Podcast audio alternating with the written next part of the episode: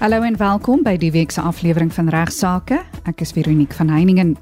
Ignas Kleinsmid bespreek die week 'n luisteraarsbrief wat handel oor 'n bejaarde vrou wat kredietkaartskuld het, binnekort na 'n aftreeoord verhuis en verneem het dat sy nie gedek is teen die skuld indien sy tot sterwe sou kom nie. Hy bespreek later nog 'n luisteraarsbrief wat handel oor 'n klousule in die luisteraar se testament. Geen bates of voordele wat volgens my testament aan 'n begunstigde toeval is vatbaar vir beslaglegging of onteiening nie en val ook nie in 'n insolvente boedel van sodanige begunstigde nie en sal ook nie vestig in die kurator van sodanige insolvente boedel nie. En my spesialis gas, Dr. Llewellyn Kerr-Lewis, praat oor die ontrafeling van artikel 103 van die huidige wet op vuurwapenbeheer.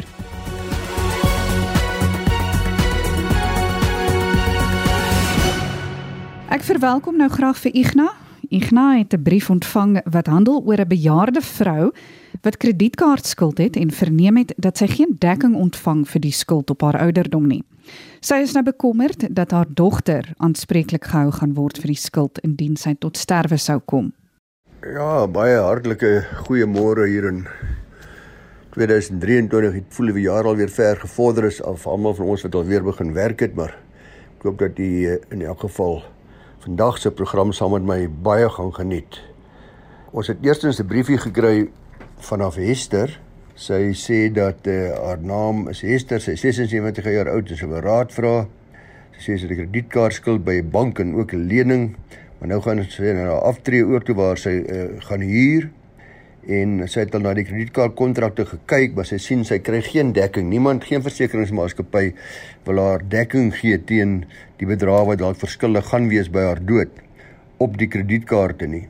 Haar vorige versekering het reeds verval. Maar sy betaal dit wel maandeliks, sy probeer haar bes, maar sy kry ook geen lewensversekering nie as gevolg van haar ouderdom. Nou wat sy eintlik wil weet is wat word nou van al haar skuld wat sy het? Sy het nou twee skulde genoem, maar dit mag enige ander skuld wees wat sy het op haar datum van afsterwe. Hoe word dit gehanteer? Sy sê haar dogter is as eksekuteur aangestel en sy is nou bang haar dogter gaan dalk nou aanspreeklik gehou word vir daardie skulde wat nou nog nie betaal is nie. Sy het wel een lewenspolis by 'n versekeringsmaatskappy, maar dit gaan nie genoeg wees om al die skulde te delg dalk nie. Nou luisteraars, alle skulde van 'n oorledene, ook Hester se geval, is betaalbaar deur die bestorwe boedel. Dit sluit ook in kredietkaartskuld wat onverseker is. As daar nie genoeg kontant is dus in 'n boedel nie, dan moet al die ander bates wat dalk daar mag wees te gelde gemaak word om eers die skuld te betaal nadat ander voorkeurskuldeisers soos byvoorbeeld verbandhouers of ander mense wat voorkeur mag hê betaal is en eers dan sal dit wees as daardie skulde meer is as wat die bates is, dan is die boedel insolvent. Nou die goeie nuus is dat selfs as 'n boedel insolvent is en dis wat daar bekommer. Anderswoorde soms gaan haar dogter ongelukkig nie erf wat sy moes geërf het nie, eers die skulde moet betaal word en dan erf sy die balans en dan is daar en as al die skulde eers klaar betaal is, maar as daar nou te veel skulde is en die boedel is insolvent, die laste oorskry die bates, is die goeie nuus dat geen erfgenaam of eksekuteur of eksekutrise is verantwoordelik of aanspreeklik vir daardie skulde nie. Die dame praat ook van 'n lewenspolis. Maak asseblief tog seker dat daar 'n begunstigde op daardie polis aangewys is. Anders gaan dit dan direk na die boedel toe. Dis nomineer 'n begunstigde dadelik by u versekeringsmaatskappy as jy dit nog nie gedoen het nie. Maar die basiese vraag is as daar nie geld is nie, moet 'n erfgenaam hel betaal aan die skuld? Die antwoord daarop is nee. Dan nog 'n vraagie Veronique wat handel met skuld maar iets heel anderste. Hierdie dame Annelies wil weet hoe is dit moontlik dat daar 'n kredietwet is wat nou dan soveel mense moet beskerm, maar tog is daar baie mense wat nooit hulle skuld vereffen nie. Hulle word oorgegee maar dan word net gesê jammer hulle het nie geld nie of as 'n uncooperative debtor sê hulle en hierdie skelms en diewe kom dan met moord weg en hulle word nooit beboet of tronk toe gestuur nie ensovoorts. So sy's bekommerd oor mense wat haar nie betaal nie of wat ander skuldeisers nie betaal nie en net daarmee wegkom. Dit is so luisteraars dat die kredietwet het baie uh, bepalinge wat uh, beslis behulpsaam is onder andere ook om skuldenaars te beskerm teen roekelose kredietverlening. Ek het dit al in baie groot detail op hierdie program bespreek, so ek gaan dit nie weer doen nie. Die kruks is net jy hoef nie jou skuld te betaal in baie omstandighede as jy kan bewys dat daar op 'n roekelose wyse aan jou 'n lening toegestaan is of skuld krediet toegestaan is wat duidelik nie binne die riglyne is van wat verantwoordelike kredietverlening is nie en wat duidelik nie binne jou vermoë is om terug te betaal nie. Ek weet nie van julle nie, maar ek word daagliks oorval met advertensies van mense wat my sowat insmeek om asseblief by hulle geld te leen. Maar let wel, die kredietwet kan natuurlik nie mense beskerm wat op 'n roekelose wyse geld uitleen of krediet verleen aan elke Jan Rapp en sy maat nie sonder om seker te maak of hulle dit kan terugbetaal of hulle kwalifiseer om daardie krediet te kan hanteer. En as jou kredietbeheer swak is en dit is wat ek dink maar vir analise wil sê en ander mense wat besighede het en winkels het en wat maklik geld uitleen, as jou kredietbeheer swak is, met ander woorde jy gee krediet aan iemand wat nie kredietwaardig is nie, dan het jy gewoonlik maar net dood eenvoudig jouself blameer. Dan die geheim is om seker te maak dat die mense aan wie jy geld leen of die mense aan wie jy goed verkoop op skuld, dat hulle in staat sal wees om hulle onderneming van terugbetaling behoorlik na te kom. Ek het al hoeveel gevalle in my loopbaan gesien het, jare oud het ek nog invordering gedoen het, dat jy twee soortgelyke besighede wees, invordering as jy doen, sê net maar twee tandarts sê die een tandarts het 'n 90% sukseskoers by ons om sy skuld terug te vorder, terwyl die ander tandarts se terugvorderingskoers is 20%. Hoekom? want die een het baie goeie kredietbeheer toegepas. Hy het nie net sommer links en regs vir mense krediet gegee nie en het dit baie vinnig oorhandig aan die prokureurs voor die mense weg is of voor jy hulle nie kan opspoor nie terwyl die ander tandarts het behoorlike kredietbeheer in sy eie besigheid toegepas en dan ook hulle dringend baie vinnig binne 'n paar weke of binne 30 dae oorhandig as hulle nie hulle ondernemings nagekom het nie. So luisteraars uh, is ook belangrik om 'n paar wenke byvoorbeeld as jy 'n huurder het want baie mense kla dat hulle huurders nie betaal nie. Daar's 'n eenvoudige oplossing. Jy bel, ek sal nooit 'n huurder toelaat in 'n perseel waar ek by betrokke is as eienaar of verhuurder nie. As ek nie seker gemaak het waar het daardie persoon voorheen gehuur nie. Ek bel sy vorige verhuurder en sê hoor, hy was hierdie 'n goeie verhuurder, waar het hy gehuur? Het hy stiptelik betaal ensovoorts? En natuurlik As hy nie vir jou kan sê waar hy voorheen gehuur nie en waar hy vandaan kom nie of vir jou lieg storie vertel, dan moet al die rooi ligte en al die alarms moet afgaan want dan moet jy weet jy gaan ook 'n probleem kry. Die maklike ander manier is natuurlik die kredietrekords is deesdae baie vrylik op die internet beskikbaar met die druk van 'n knoppie kan jy 'n persoon se kredietrekord nagaan en moenie vir 'n persoon of dit nou huurder is of iemand wat by jou iets wil koop of iets by jou wil leen sonder om daarop te betaal skuld gee voor u nie seker maak hoe lyk sy kredietrekord nie. Is ook geen probleem. Jy hoef nie skaam te wees om vrae te vra oor sy bates en laste nie. As hy onroerende eiendom het, dan help dit baie. As hy roerende eiendom het, maak seker kyk of dit klaar betaal is ensovoorts ensovoorts. Daar's baie baie maniere, maar let wel, dis nie 'n kriminele oortreding om die skuld te betaal nie. Soos wat hierdie dametjie in die brief sê, hoekom gaan hulle nie tronk toe nie? Die staat beskerm jou dus nie as jy roekeloos geld uitleen nie, inteendeel, soos ek gesê het. So om te verkoop luisteraars of uit te leen is baie maklik om oulik en gaaf te wees met jou medemens, maar maak seker dat jy met eerbare en ordentlike mense besigheid doen, handel dryf. Terloops, die grootste enkele probleem is mense wat teen alle kostes net wil verkope doen. Hierdie mense wie jy so bel en skakel en sê asseblief, want gewoonlik kry hy of sy kommissie op alle verkope, maar ook net 'n wenk aan diegene wat op hierdie wyse besigheid doen om kommissie te betaal voordat die koper se geld in die bank is, is ongelooflik riskant. Kommissie behoort eers betaal te word nadat die geld in die bank is en nie op die verkoopsyfers van die agent of die makelaar of watter tipe van verkoopspersoon dit ook al mag wees nie. Ek hoop dit is so 'n paar wenke, regswenke wat vir u van waarde sal wees. Igna het nog 'n luisteraarsbrief ontvang wat verband hou met 'n klousule in 'n testament. Die luisteraar wil graag hê dat Ignas die regsgeldigheid asook die toepasbaarheid daarvan evalueer. Die volgende skrywe wat ek ontvang is van David van Pretoria. Hy sê hy is nie regsgeleerde nie en hy sê dit waardeer indien ek die regsgeldigheid, die wetlikheid en toepasbaarheid van die volgende klousule in sy testament kan evalueer. Die klousule lees as volg: Geen bates of voordele wat volgens my testament aan 'n begunstigde toeval is vatbaar vir beslaglegging of onteiening nie en val ook nie in 'n insolvente boedel van sodanige begunstigde nie en sal ook nie vestig in die kurator van sodanige insolvente boedel nie. Nou Dawid, die klousule wat jy aanhaal is duidelike poging van jou om voorsiening te maak vir die moontlikheid dat 'n erfgenaam insolvent mag wees wanneer hy of sy geregtig raak om te erf.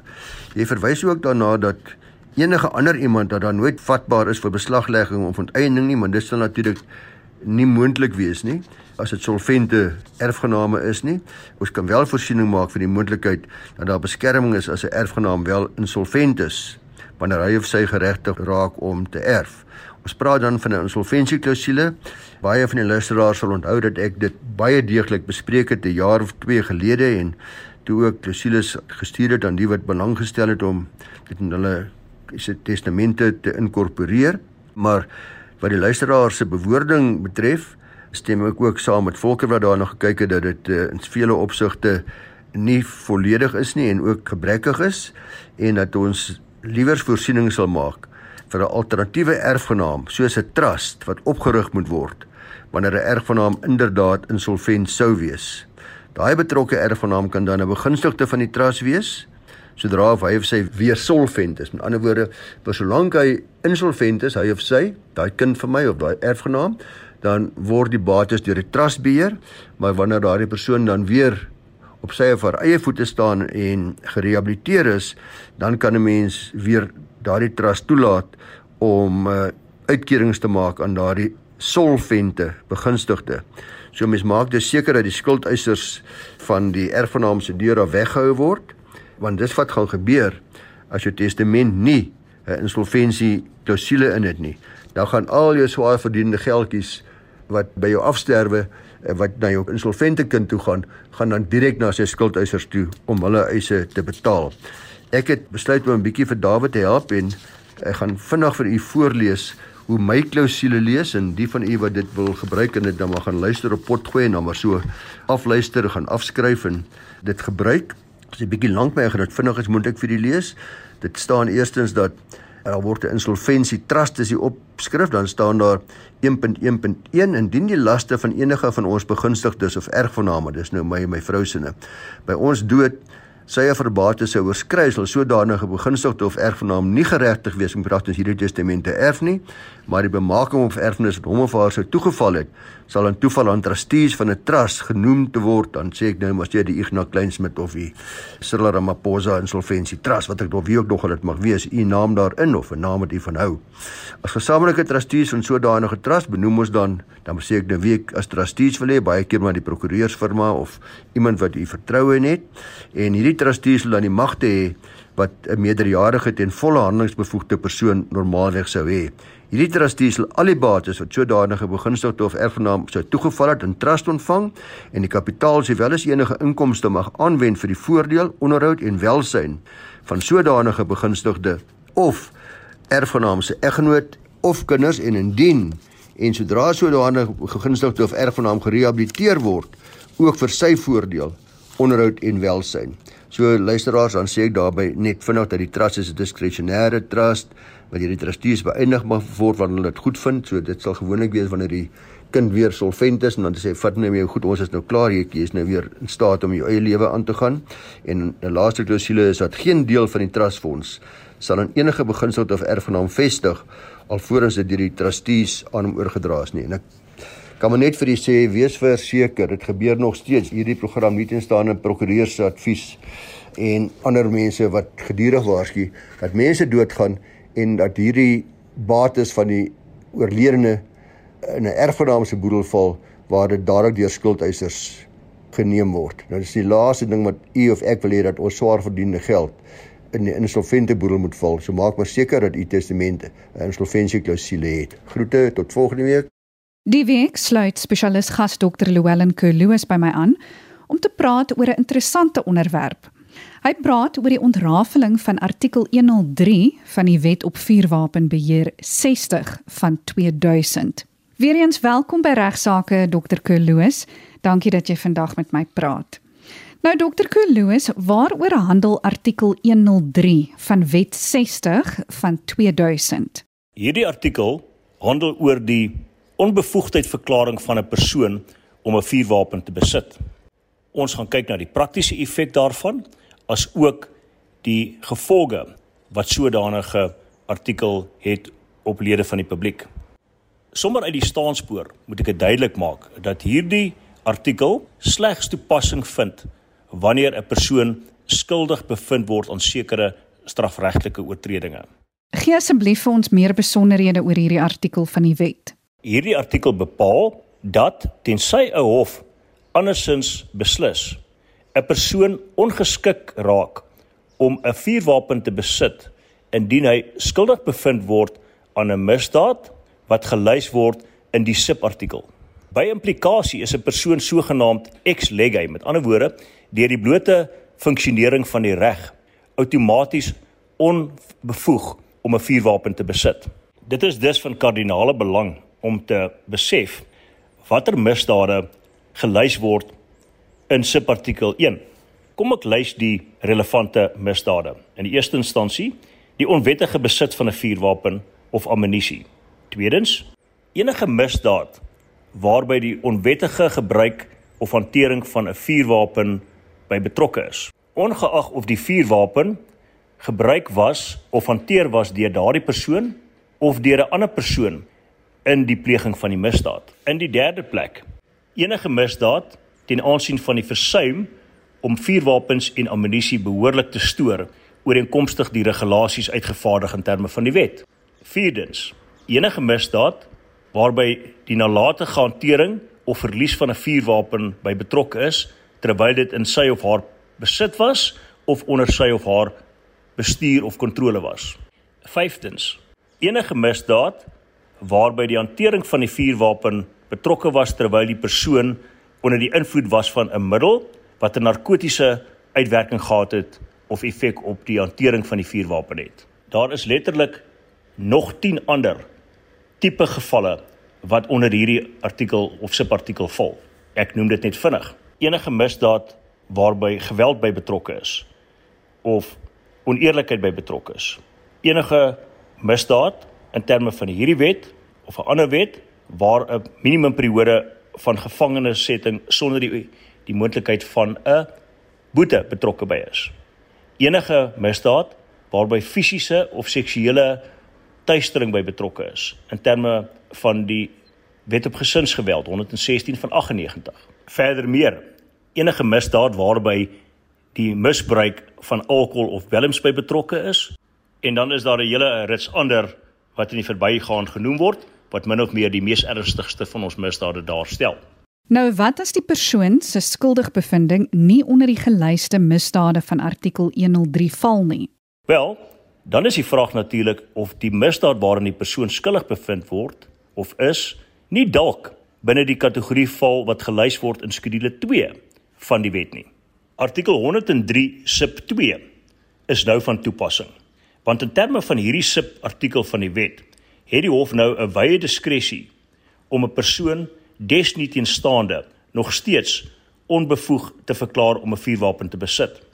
Skedule 2 hanteer byvoorbeeld misdade soos hoogverraad, sedisie, saakbeskadiging, strafbare manslag en 'n paar ander. En dokter, wanneer word die sogenaamde ondersoek na geskiktheid dan gedoen? Wanneer die hof tot die gevolgtrekking moet kom of 'n persoon ongeskik is om 'n vuurwapen te besit, is dit 'n diskresie wat uitgeoefen word. Natuurlik is daar sekere faktore wat die howe al uitgewys het as baie belangrik om in ag te neem. Maar eintlik kan enige relevante faktor tog 'n rol speel. So byvoorbeeld sal die beskuldigde se ouderdom en persoonlike omstandighede 'n rol speel. Die aard van enige vorige veroordelings indien enige sal 'n rol speel. Die aard en die ernstigheidsgraad van die misdaad waaraan die beskuldigde tans voor die hof skuldig bevind is, gaan 'n rol speel. Die vraag of daar enige agtergrond en geskiedenis is wat sou suggereer dat die beskuldigde moontlik sy gelisensieerde vuurwapen gebruik of wil gebruik om misdaad te pleeg of dit in die gemeenskap se belang is dat die beskuldigde as sodanig onbevoeg verklaar moet word al dan nie is hy met ander woorde 'n gevaar vir die samelewing en die vraag of die beskuldigde tydens die duur van sy lisensie enige aanduiding gegee het dat hy onverantwoordelik handel met sy vuurwapen. Die bewyslas om die hof te oortuig is natuurlik die van die beskuldigde op 'n oorwig van waarskynlikheid. Is daar al onlangs al enige hofuitsprake hieroor gewees? Daar was al ten minste 3 belangrike uitsprake in die onlangse verlede wat die hof se perspektief en interpretasie rondom artikel 103 gedefinieer het. In die saak van staat teen Lukwe, 'n 2005 uitspraak van die Gauteng Johannesburg Hooggeregshof, het ons te doen gehad met 'n saak wat op outomatiese hersiening gestuur was aangesien die beskuldigde in persoon verskyn het. Regter Borchers moes handel oor die vraagstuk rondom die onbevoeg verklaring van die beskuldigde om 'n vuurwapen te besit spesifiek met verwysing na artikel 103 sub 2 klein a van die wet. Die beskuldigde was skuldig bevind aan diefstal en het 'n algehele opgeskorte vonnis gekry sonder die opsie van 'n boete. Die hof van eerste instansie het natuurlik aan die beskuldigde sy regte verduidelik en gesê dat hy redes kan aanvoer waarom hy nie ongeskik en onbevoeg moet verklaar word om 'n vuurwapen te besit nie. Die beskuldigde se verduideliking was dat hy tog eendag 'n polisiebeampte of 'n sekuriteitsbeampte sou wou word en nie kan bekostig om ongeskik en onbevoeg verklaar te word om 'n vuurwapen te besit nie. Die hersieningshof het helaas beslis dat 'n totaal opgeskorte vonnis soos opgelê in hierdie geval binne die raamwerk van artikel 103 sub 1 klein lettertjie G van die wet val wat beteken dat die hof inderdaad 'n persoon onbevoeg kan verklaar om nie 'n vuurwapen meer te besit nie. Op tegniese gronde het die hof beslis dat die aangeleentheid terugverwys moet word na die landdros om 'n behoorlike ondersoek van stapel te stuur, desnieteenstaande, maar belangrik, die hof het bevind dat daar 'n groot wesenlike verskil is tussen bevoegdheid en behoefte en daardie twee konsepte moet nie verwar word nie. In die saak van staat teen Smith 2006 ook 'n uitspraak van die Johannesburg Hooggeregshof het die hof bevind dat hierdie ondersoek waarna ons verwys het vroeër 'n voorvereiste is of voorins 'n hof 'n persoon onbevoeg kan verklaar om 'n vuurwapen te besit. Veral waar die misdaad waarvan die beskuldigde skuldig bevind word min of meer niks uit te maak het met die lys van misdade soos verwys na vroeër is daar 'n spesiale verpligting op 'n voorsittende beampte om meer te doen as net liekrake vrae te vra rondom 'n beskuldigde se redes waarom of so bevinding moet maak nie. In staat teen Mkonza, 'n 2010 beslissing, is beslis dat die wetgewer in die howe die jurisdiksie gestel het om te bepaal of 'n persoon uit 'n statutêre oogpunt gesien onbevoeg is om 'n vuurwapen te besit. So wat gebeur nadat die hof 'n bevinding hieroor gemaak het? Die hof sal die registrateur in kennis stel of skriftelik van die skuldigbevinding as ook hierdie bevinding deur die hof. Tesame met hierdie kennisgewing gaan die hof ook 'n gepaardgaande deursoekings en beslagleggingsbevel uitreik sodat daar onmiddellik beslag gelê kan word op alle bevoegdheidssertifikate, lisensies, toestemmings, permitte en dis meer wat van tevore aan die beskuldigde uitgereik was. En natuurlik dat daar beslag gelê kan word op alle vuurwapens en ammunisie in die besit van die persoon. Enige sodanige items waarop beslag gelê is deur die Suid-Afrikaanse Polisie Diens of die nasionale weermag moet in veilige bewaring gehou word totdat enige moontlike toekomstige appel deur die beskuldigde hieroor afgehandel is of die tye waarvoor voorsiening gemaak word in die hofreëls hiervoor uitgeloop het. Is 'n beslissing van die hof ten opsigte van artikel 103 appelleerbaar? Kort antwoord is ja, dit is. In die Mkonza saak waarna ek van tevore verwys het, het die Hoogste Hof van Appel uiteindelik beslis dat die beskuldigde se ongeskiktheid verklaring tersyde gestel moet word. Dood eenvoudig op die basis dat die beskuldigde suksesvol aangetoon het dat hy vir die aantal jare wat hy lisensie gehad het, groot verantwoordelikheid met sy vuurwapen aan die dag gelê het. Dis ongelukkig nou tyd om af te sluit. Ek sê baie dankie aan Ignas Kleinsmid vir vandag se program en baie dankie aan Dr. Llewellyn Kerloos vir die interessante bydrae oor die wet op vuurwapenbeheer. Ek dink ek verstaan nou beslis beter hoe dit werk. Vir enige navrae stuur gerus 'n e-pos na my toe by vero@rsg.co.za of 'n SMS na 45889. Elke SMS kos R1.50. Van my Veronique van Heiningen groete tot volgende week.